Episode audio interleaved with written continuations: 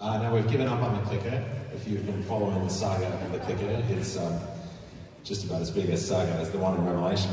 Um, but I'm giving up. I'll just say, I'll just say click when it's when I'm ready for this light, assuming that it's working. Oh yeah, it does. Um, that's good. Uh, I should say uh, a couple of the blogs are getting together tonight at the uh, Hop Hen. If you're interested uh, in drinking some things that are patiently fermented, um, you. you can come and join us, Hop Hen. If you know the Hop Hen, it's uh, two of my friends uh, opened up that brewery, and so we try to uh, frequent their establishment. And they don't need our help anymore because they're doing great, but um, they still make pretty good beer. So if you want to sit around and have a chat with us and have a few schooners, come on and join us. What time was it? Seven. Seven. Seven o'clock. All right, well, it's, there you go. That's my that's the announcement I'm adding in. Now, we've been at this Revelation series for a while for a few weeks now, and I just wanted to talk, kind of get a set as to where we have been in the past few weeks. So, click. Uh, we have, in the past two weeks, seen two cycles of seven. And cycles of seven are pretty important in Revelation. They come up quite a bit. We've seen seven seals, we've seen seven trumpets. And very importantly, we have seen the story of the two witnesses. Let's click for that the story of the two witnesses, these two prophetic witnesses that represent the church, represent John's audience, really, and the church's prophetic witness in the world. And we've seen that in that story, they are martyred by the beast from the abyss, and we'll talk more about that beast today. But they are martyred, they are killed. But then they are vindicated through resurrection in this in this story that we looked at uh, last week. And that's this is my notes, but actually the word for witness is the Greek word martyres, or in that context, martusin is the same, just different forms of the same word. But martyres is from where we get the word martyr. The word for witness in the Bible is the word martyr. So there's a, a deep connection between that, that idea. And to be a martyr is to be a witness to the testimony of Jesus, which is the spirit of prophecy as Revelation later tells us. And we also know, click, that that's going to get annoying, isn't it? But I'm going to keep doing it. It's the only, it's the it's the only mechanism I've got to communicate with, uh, communicate with. We know that in this book, there is a huge anticipation. There's an anticipation of martyrdom for a significant number of the disciples of Jesus, for a significant portion of the church in this in that day and age in the first century. So there's this anticipation that stands behind a lot of the things going on in this book, and it's martyrdom at the hands of the Roman Empire and its imperial cult, the worship of Rome and the worship of the Roman emperor that was common in Asia Minor back in that day. And today we're going to see that unpacked even more fully, and we're going to see more next week. So it keeps coming up and up and up and up. But we're going to begin today with an epic story that we're going to see unfold, even bigger than the epic of the clicker. And it begins with a dragon story. Now, if you, I hope, maybe you have, maybe you haven't. I hope you've read uh, in preparation for today. If you've read chapters 12, 12 to 14, you're in good shape. I've prepared an exam. It has a multiple choice section and an essay section and it requires 70% to pass. No, oh no, not really. But if you have, you'll be you'll, you'll be well prepared. If not, that's okay. Hopefully this will give you some food for thought, and when you get home, sometime this week you can read it, and hopefully, I hope it'll, it'll make a bit more sense to you, um, assuming I preach this well. But it starts with a dragon story. So click. Now we know many stories of dragons. All right, we've got many stories with dragons in them. Lord of the Rings, Shrek, Harry Potter, click. Uh, there's Puff the Magic Dragon. Uh, there's that thing from the Never Ending Story. Um, come on, Never Ending Story. Turn, look at what you see. Who's my? A, I've got children of the 80s here, sure. Oh, thank God. All right, all right. Let's get look alive.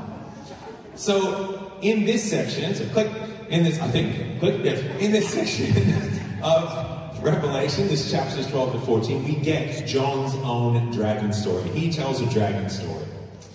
And his story is basically a streamlined rendition of the Messiah story, of Jesus' story. And so it starts with a seven headed dragon that has ten horns and crowns. And that's obviously, well, it obviously is because it tells us it's the devil or the Satan. And this dragon pursues a woman who is in labor. It's a strange looking woman who has a crown of, of 12 stars on her head. And the 12 stars reminds us, or should remind us of the 12 tribes of Israel, it should remind us of the 12 apostles. And so, which, and these are things which John references elsewhere in the book. And so, this woman that the dragon is pursuing represents this idea of the complete people of God the complete people of God. Israel continued as the church, which, if you know the New Testament well, it's a very New Testament idea. The people of God as Israel continuing into the church, the people of Jesus. And so in this story, the dragon pursues this woman, and the woman is pregnant. The dragon wants to devour her child. And the child, of course, is the Messiah, is Jesus himself. But the child is taken away to God, it says, and to God's throne. So crucified, resurrected, ascended, very short space of, of time in this story. Like I said, it's a very streamlined version of the, of the story. Now, interestingly though, John's readers would already know and recognize this story. They would know this dragon story because it doesn't come from nowhere. It's actually a Greek story. It's the Greek story of the birth of Apollo. And in that version of the story, Apollo's mother, Leto, escapes from the dragon Python to an island where she gives birth to Artemis and to Apollo. And Apollo eventually, if you know the rest of the story, I don't know if anybody knows that story, but in, in the rest of the story, Apollo, Apollo eventually hunts down the dragon Python and kills it. And John takes and reshapes this story for his own purposes. Now, this, is, this, this shouldn't bother us too much. This is what artists do. We know that John is a literary artist. All right? We've said that before. And we should take that to heart. A literary artist, or any kind of artist, take material, take source material, and reshape it. Right? And John is most certainly an artist. But the question is, why does he choose this particular story? Why this very strange Greek story does he choose?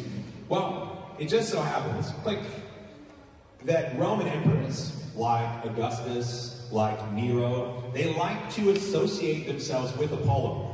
They like to see themselves as sort of the incarnation or the reincarnation of Apollo on Earth. And so, I think I was on there. Yeah, yeah, yeah. So here's an example, right? This is on the left-hand side, that's a statue of Apollo playing a lyre, which is a harp of sorts. And on the right hand side, that's actually Nero, one of Nero's coins. And on the back of that coin is a depiction of Nero as Apollo playing a harp or playing a lyre. And so it's clear he's trying to associate himself with this idea of Apollo being the son of Apollo or being the incarnation of Apollo on earth.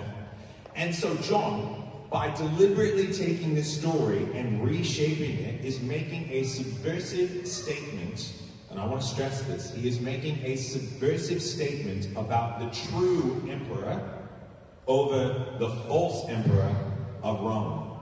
And that's a theme that we're going to see uh, in the rest of the passage today. And so in the next section, after this sort of crazy dragon story, well, the dragon story continues. But, Because next we see a war in heaven. And it's Michael and his angels, the archangel Michael and his angels, versus the dragon and his angels. Now, I want to caution us here that we shouldn't see this. I know there's a temptation to do this. We should not see this as an angelic war that some sort of theorize took place before creation. This is not that.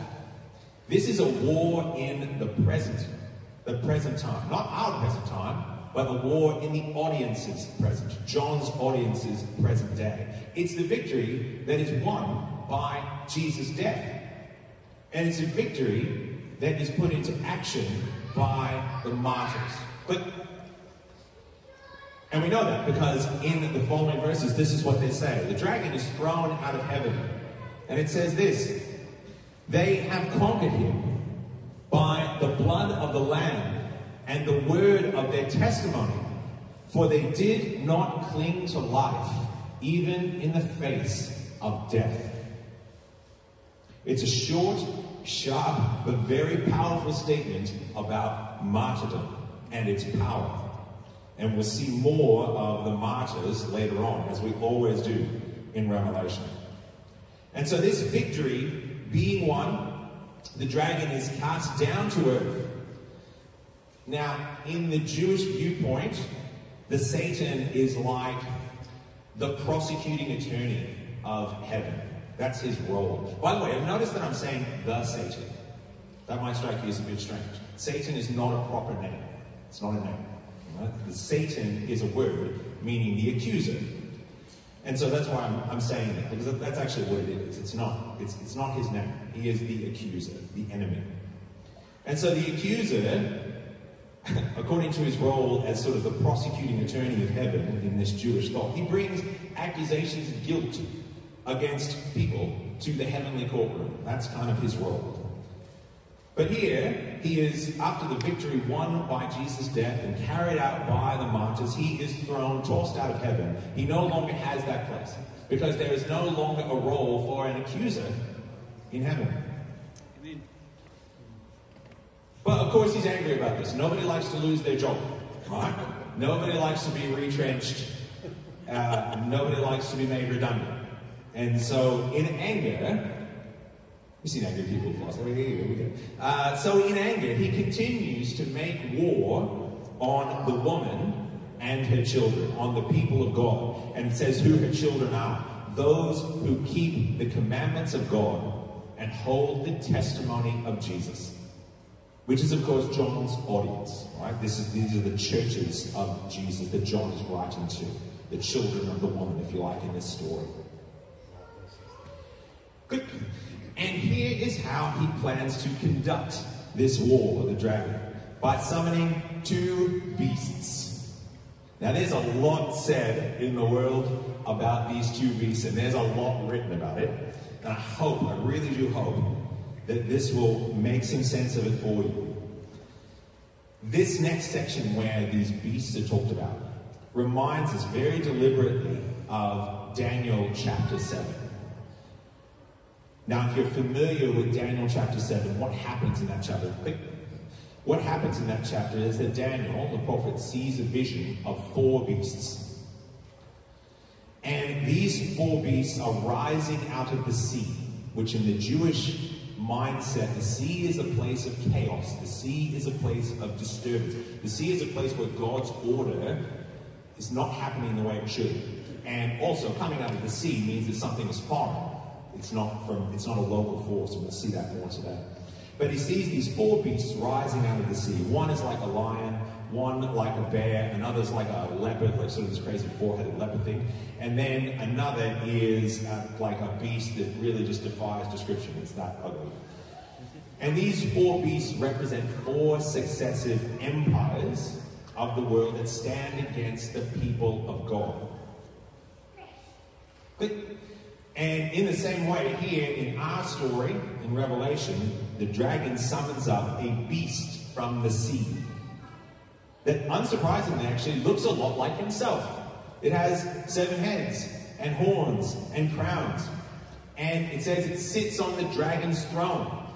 And it comes from the sea, that means it's a foreign entity. And it has, says it has power over all the peoples of the earth, and they all worship it and it blasphemes against God and it persecutes the people of God. Now, if you've sort of been following on with what we've been talking about in Revelation, you should probably recognize and be able to have a guess as to what this beast represents. But even if you can't, I'll tell you this, this we should remember this is standard, stock standard apocalyptic imagery. Right? And apocalyptic imagery is about revelation. Apocalypse means revelation. It's not about destruction. So apocalyptic imagery always seeks to reveal events that are current, and I'll say this, current for the readers of the book. I'm going to say that again. current events for the readers of the book. In other words, the original audience of the book, not for us. As Ben mentioned, I think in the first week we did this, it has to mean something for the original audience. It has to. Otherwise, there's no point having this book at all. And so that really eliminates a lot of the very common sort of, if you like, antichrist interpretations that pop up uh, in our day and age about this particular beast. Because the truth is, actually, John's readers would know exactly what this beast was. There would be no mystery to it. In fact, not just his readers, anyone in the first century, and I do mean anyone in the first century, a Roman soldier, a Roman merchant, anyone would be able to work this out. The beast has seven heads and wears crowns. Rome is a city of the emperors. It is famously built on seven hills. And it's not often that we can be so direct about Revelation, but I'll say this. The beast from the sea is Rome. It is the Roman Empire. It's as simple as that. And that will actually be proved even later on when we, when we talk next week. We'll see that again. And it will be even more clear next week than it is this week. The beast from the sea is Rome. And that fits with the allusion to Daniel's beasts, which are different empires of the world. There's an interesting twist actually in this too. When, when John describes the beast rising out of the sea, it actually has a lot of the features of the beast that Daniel saw in his vision. Like it has bits of it that look like a lion, and bits that look like a leopard, bits that look like a bear. And so, in a sense, yes, it's wrong, but in another sense, it, it sums up all empires that set themselves against God and God's people. And then, second, after we see this beast from the sea, we see a second beast. And this beast rises from the earth. So it is a local force.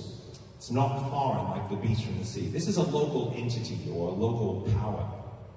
And it's working on behalf of the first beast. And it directs all the peoples of the world to worship the first beast.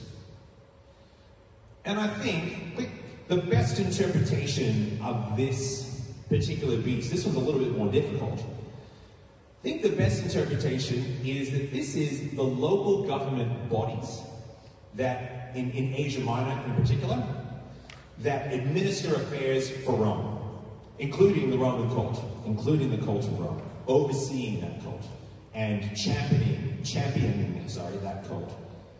You see, Rome always preferred to utilize existing local structures to govern the places that it had sort of taken over. They always preferred to leave the local structures in place.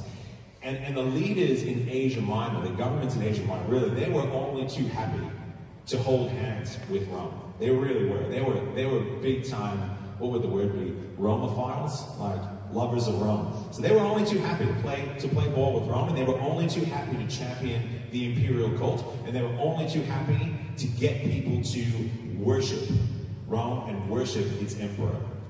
And so I think, and not just me, I'm, I'm not, I should say, none of the ideas I actually say up here are mine. I didn't come up with these. Uh, far, smarter people than me have come up with these, and I'm just sort of delivering them to you. Um, but I think uh, a, a, an excellent interpretation of this is that this second piece represents these local powers, these local forces.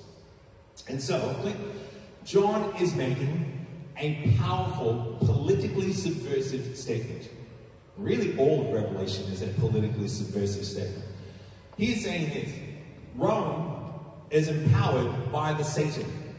It even looks like the Satan. And the Satan instigates Rome in its opposition to the people of God and to God Himself. And then the local functionaries sort of get everyone to play along in this worship of Rome and the worship of the emperor. And so what we see here in this story is that battle lines are drawn up. Right? That's why I call this talk battle lines. Battle lines are drawn up between these two sides. And no one, in John's way of looking at this, no one is neutral. You're always making a choice. On one side, sort of a funny thing, on one side is this sort of counterfeit trinity. You have the devil, you have his child, the emperor, and the empire, I should say, it all kind of blends into one. You have the devil, you have his child, which is the empire, and then you have sort of, if you like, the spirit, which is the cult that summons these worshippers to worship Rome. And if we look very carefully, actually, this is what I, I love, and the more and more I've read this passage, this is what I've noticed. Everything about this is fake. Everything about it is fake. There's a fake resurrection. Like one of the beast's heads, it has seven heads. One of the beast's heads, it says, has taken a mortal wound that's been healed. We'll talk a little, actually, I'll talk about that in a second.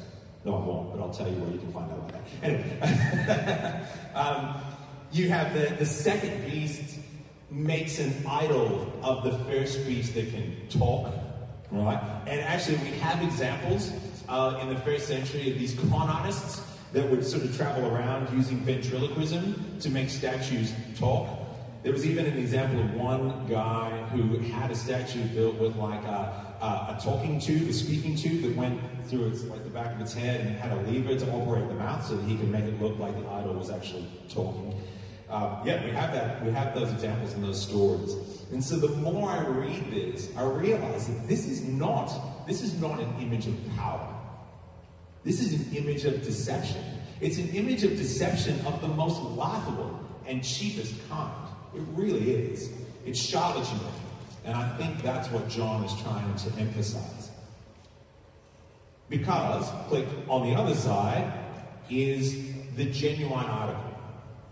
The Lamb and his servants, the 144,000. This is the beginning of chapter 14. And the 144,000, as we know, are the martyrs. And both sides, the lamb side and the beast side, have this loyalty mark. They each have a loyalty mark. Right? The name of the lamb's father is on the foreheads of the 144,000. And the beast followers have this sort of, like this counterfeit mark, his name, or the number of his name. Now, all right. if you came today hoping to learn what the mark of the beast is. This is the point where I kind of disappoint you. All right? But there's just no time. It's, it would take a long time to talk about it.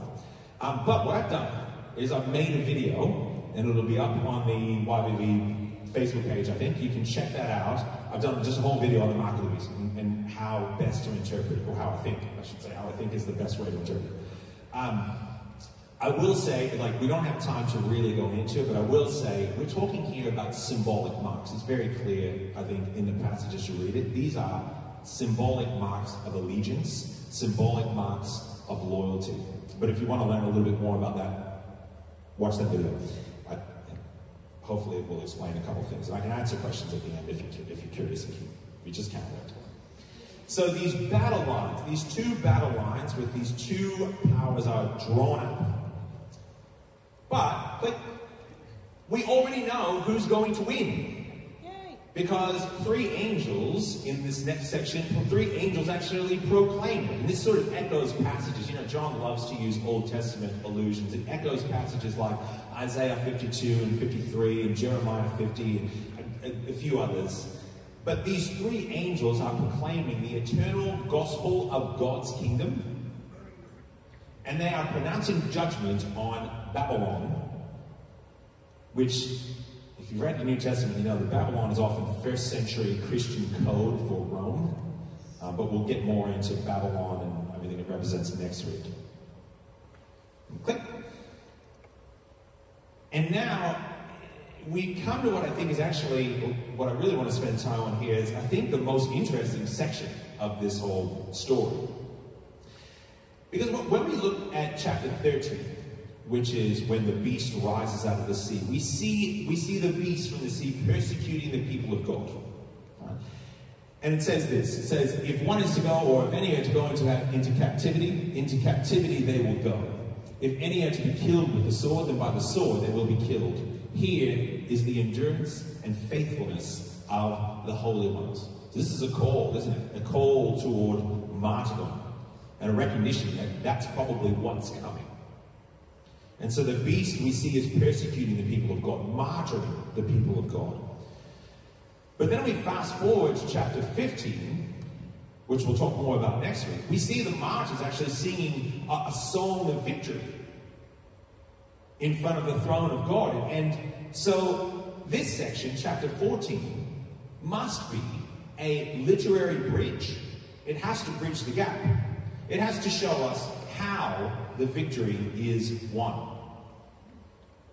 And the bridge, the bridge that I'm talking about here is actually this really strange image of a reaping of by the Son of Man and more angels. There's angels everywhere in Revelation. There's angels popping out everywhere. They're just like this angel, that angel, the seven angels are just coming from all over the shop. But there's this interesting image of a reaping. And this is what it says. If you have your if you have your Bibles uh, or your devices and you're in chapter 14, I'm going to read just verses 19 and 20.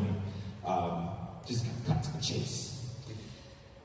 And this is what it says in verse 19 of chapter 14. So the angel swung his sickle over the earth and gathered the vintage of grapes, like gathered the vintage of the earth. And he threw it into the great winepress of the wrath of God. And the winepress was trodden outside the city, and blood flowed from the winepress as high as a horse's bridle for a distance of about 1,600 stadia, which is 290 kilometers if you want the metric translation. And it's a strange image, it really is. It's a lot of blood. And we'll see a lot of blood next week as well. This might, on the surface, look like an act of judgment. That's what it sort of, that's what it strikes us at, at, at first glance, but we might need to look closer. And we might especially need to look closer because we know that John likes to take imagery and turn it on its head and subvert it and subvert our expectations of what we see. The things in Revelation, when we see them, are not always what they seem. And we see this mention of God's wrath but wrath in the New Testament is not by any means a straightforward concept. Uh, and we'll, I will defer that conversation to next week, I think, because it fits better next week. But I actually think that the best interpretation of this particular vision of the wine press is that of like scholars like G.B. Caird, N.T. Wright, and several others. This is a reaping of the martyrs. It's a reaping of the martyrs.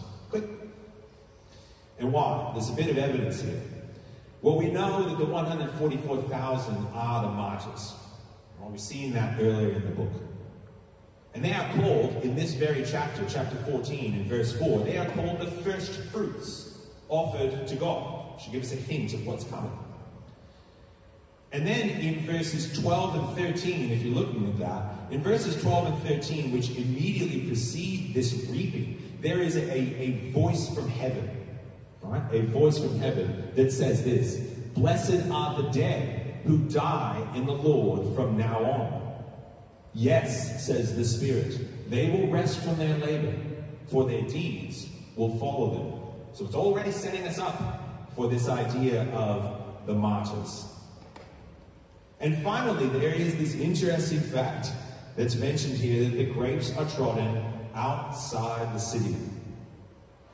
And Jesus, of course, was crucified outside the city.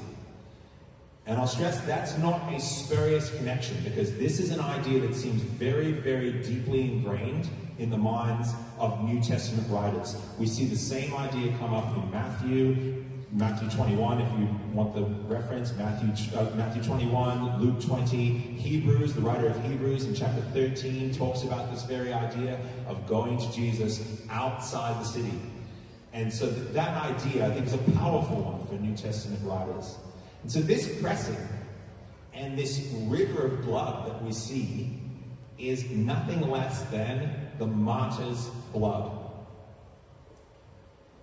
Because that's the message of, it's the message of this section, but it is the message of Revelation as a whole. That somehow, in some strange way, it's willing martyrdom itself that wins the victory. And it fits, it really fits with what we saw in the messages or letters section in the beginning of the book. That every letter or every message to the church are addressed to the victors, to the conquerors. And it fits with the rest of Revelation and its focus on the martyrs and, and, the power of martyrdom. And we will see more of that next week. So, click. Now, look, we might. This is the point where I, I, guess I feel a little guilty because the same thing keeps coming. Not my fault. I didn't write the book, but um, we we might be tired of seeing and hearing the same message over and over and over and over again. But the truth is, that's what Revelation does. And that's what it is. It shows us the victory won by the martyrs from all kinds of different angles and visions and perspectives. And it's a message that really would be powerful for, and, and quite hopeful actually, for John's first audience. It's a message that they would need to hear and that they would want to hear. But I guess the question would be, what do we do with it? Because in all likelihood, I mean, we're not, we're not in danger. Us here, in, you know, sitting in this place. Unlike some Christians in the world today, and we must acknowledge, we must acknowledge, there are many Christians in the world today who would face this very thing. And, and let's not be let's not be oblivious to their situation. But for us here, we, we're not likely in danger of, of dying or facing uh, this kind of martyrdom. But I think what we should take from passages like this and what we should take from this book as a whole is the level of commitment and allegiance that is expected of followers of Jesus. The commitment that is expected. Revelation is not, is not a book that gives you much room for wavering. The commitment that is expected is total. It is a total commitment. And it's a commitment all the way to death if necessary. And so that, and whatever that looks like for us, I think is a message that we can take away from passages like this, that we can take away from the book, is that mm, that expectation of commitment. This is like when we sign up for we sign up for Christianity, when we sign up for Jesus, we're signing up for a very, very serious thing.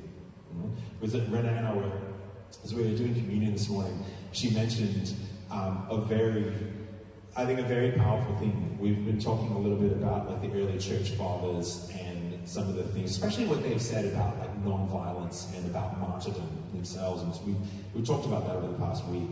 Uh, and she mentioned, you know, like she said, when I'm when I'm sort of drinking this cup, I'm realizing what we're thinking, or or it's coming to mind that we're standing in the line of these of these men and women who wrote and said these things, and like we're sharing in something that they shared. Like we're all sharing this together. Like we stand in this sort of unbroken line. And it's very powerful. It's a very powerful idea, isn't it? It really is. Uh, and so there's this sense that what we've signed on for, or what we are fellowshipping in, what we are sharing when we share the body of Christ, when we share the blood of Christ, is sharing in his death. Right? We are sharing in his death. And we are sharing in his resurrection, obviously. But we are sharing in his death, and that's that kind of commitment. That kind of commitment is, is not to be taken lightly, it's a powerful, powerful thing.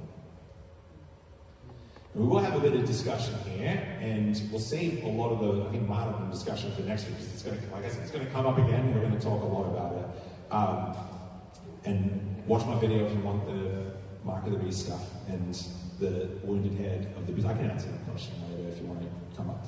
Um, but next slide, I've got some questions. I thought maybe this morning we would just sort of take stock of where we're at, right? Where we are in the book and take stock of what we've heard so far. So these are questions you, you may get together in your group and not do any of these questions. I'm not going to come around and police and make sure that you answer the questions. You can talk about what you want. But um, one thing that might sort of guide your conversation, if you like, is in what ways or what, way or ways has this Revelation series sort of changed, either changed or confirmed some of your thinking about the book. Uh, what elements, if any, have become clearer to you? I hope some have. you know, there's a possibility they haven't. But if any elements of the book have become clearer to you, then what are, what are those? You, know, you can talk about that. Uh, and are there any aspects uh, that remain confusing to you? that might be something you talk about. And then maybe this last one, what burning questions do you still have about the book of Revelation? Now I'll be I'll be here. Um, I'm not, I'm not going anywhere. I'm not bolting out the door. Um, but I'll be here. If you have any questions, I'm happy to answer the best I can. I'm not promising I have the answers, but I'll do my best. Um, I'll dine Ben out because Ben's up the front, uh, so maybe you can can ask him a question too. Probably he, he would know this better than me. So there you go. Just ask Ben. yeah, uh, it's the next slide. All right, cool. Um, so why don't we gather up in our little in our little circles, and if, yeah, just pop. If you got a question, just pop your hand up, and I'll filter it.